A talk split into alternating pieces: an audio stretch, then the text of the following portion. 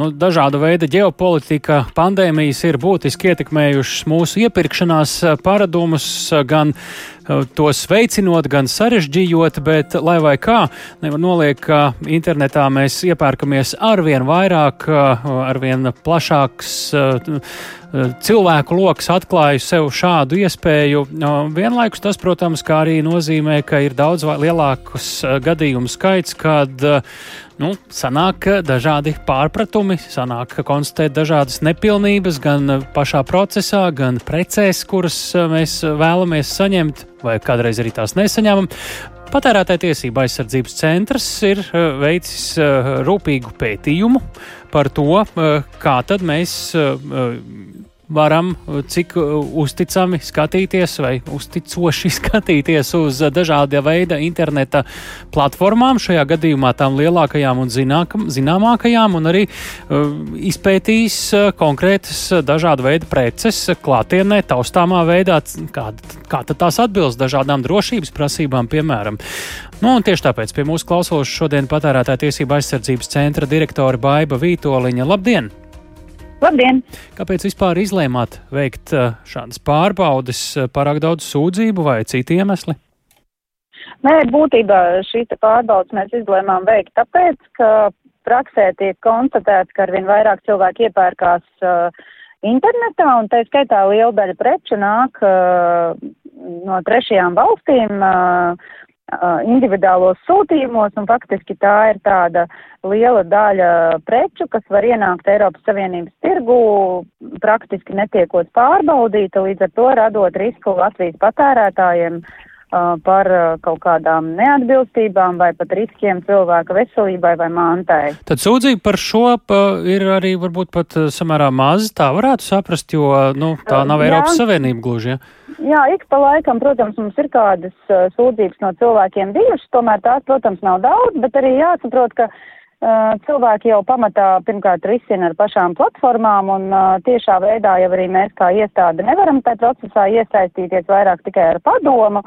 Tādēļ es domāju, ka cilvēki arī nevēršās pie mums. Uh, Un um, ļoti daudz jau tomēr iegādājās tādas lētākas preces un arī rēķinās ar to varbūt uh, tad, zemāku. Tad šī jūsu vairāk tāda paša iniciatīva, redzot to kopējo pulsu, ka ļoti plaša to preču plūsma ir tā, ja?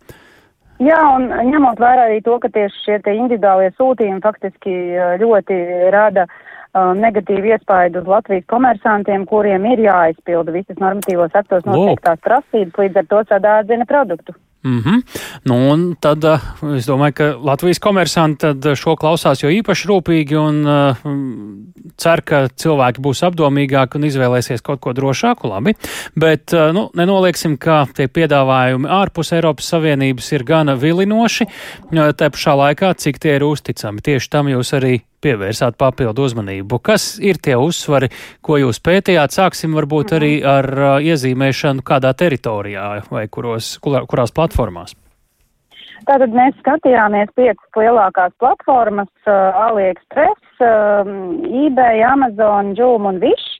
Un šajās platformās mēs skatījāmies tieši tirgotājus no trešajām valstīm, kas piedāvā preces uh, uh, preču grupās rotaļlietas, bērnu preces, elektropreces, rādioiekārtas un uh, droni.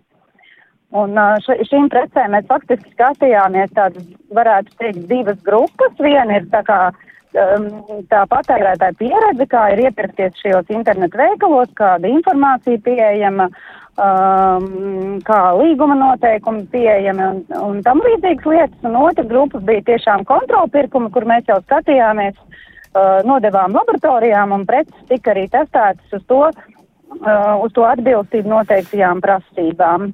Nu, tad izējām pa šīm sadaļām uh, mazliet jau pa kādai rindkopai pieliekot klāt, ko tad jūs esat secinājuši? Jā. Sāksim ar nu, kuru daļu, par, ar pieredzi? Par pirmo, par, par to pieredzi, faktiski mūsu secinājums bija tāds, ka iepirkties ir salīdzinoši vienkārši, līguma noteikumi ir pieejami, informācija tur ir. Ir gan atsevišķi gadījumi, kad uh, informācija par ražotājiem uh, ir norādīta ar hieroglifiem, līdz ar to cilvēkiem pilnīgi nesaprotami. Uh, Ir uh, arī situācijas, kur vispār ir nesaprotams burtu kombinācijas, bet kopumā uh, iepirkties ir gana vienkārši. Un arī labā ziņa ir tajos gadījumos, kad mums nepiegādāja preces, kas bija 50, uh, 10 gadījumos no 62. Mēs visos gadījumos naudu atpakaļ saņēmām par šīm precēm. Tā būtu tāda pozitīvā pieredze.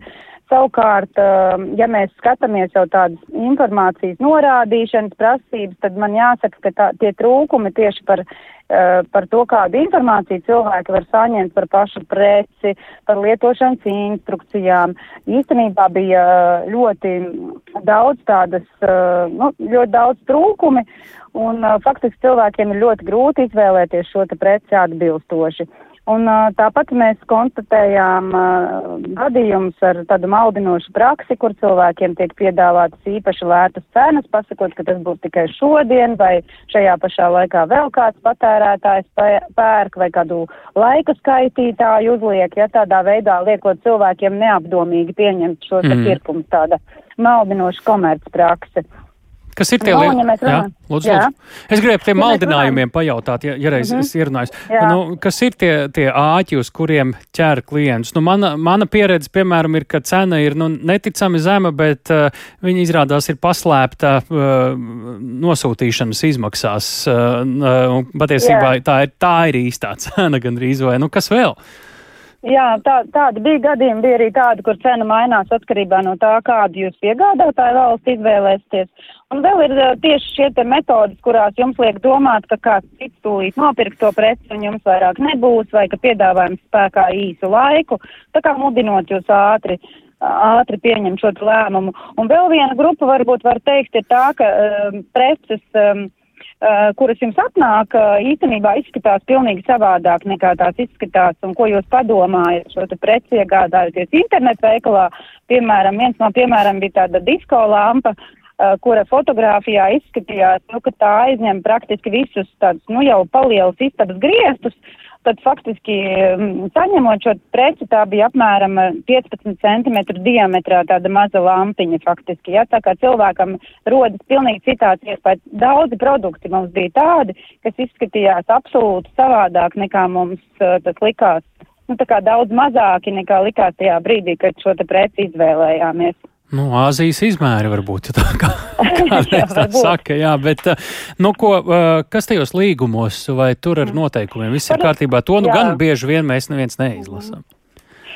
Nu, īstenībā ir tā, ka pašu līguma noteikumu tādu saturu mēs nevērtējām, mēs vairāk skatījāmies, vai ir vajadzīgā informācija, vai ir informācija, kā iepirkties un tam līdzīgi.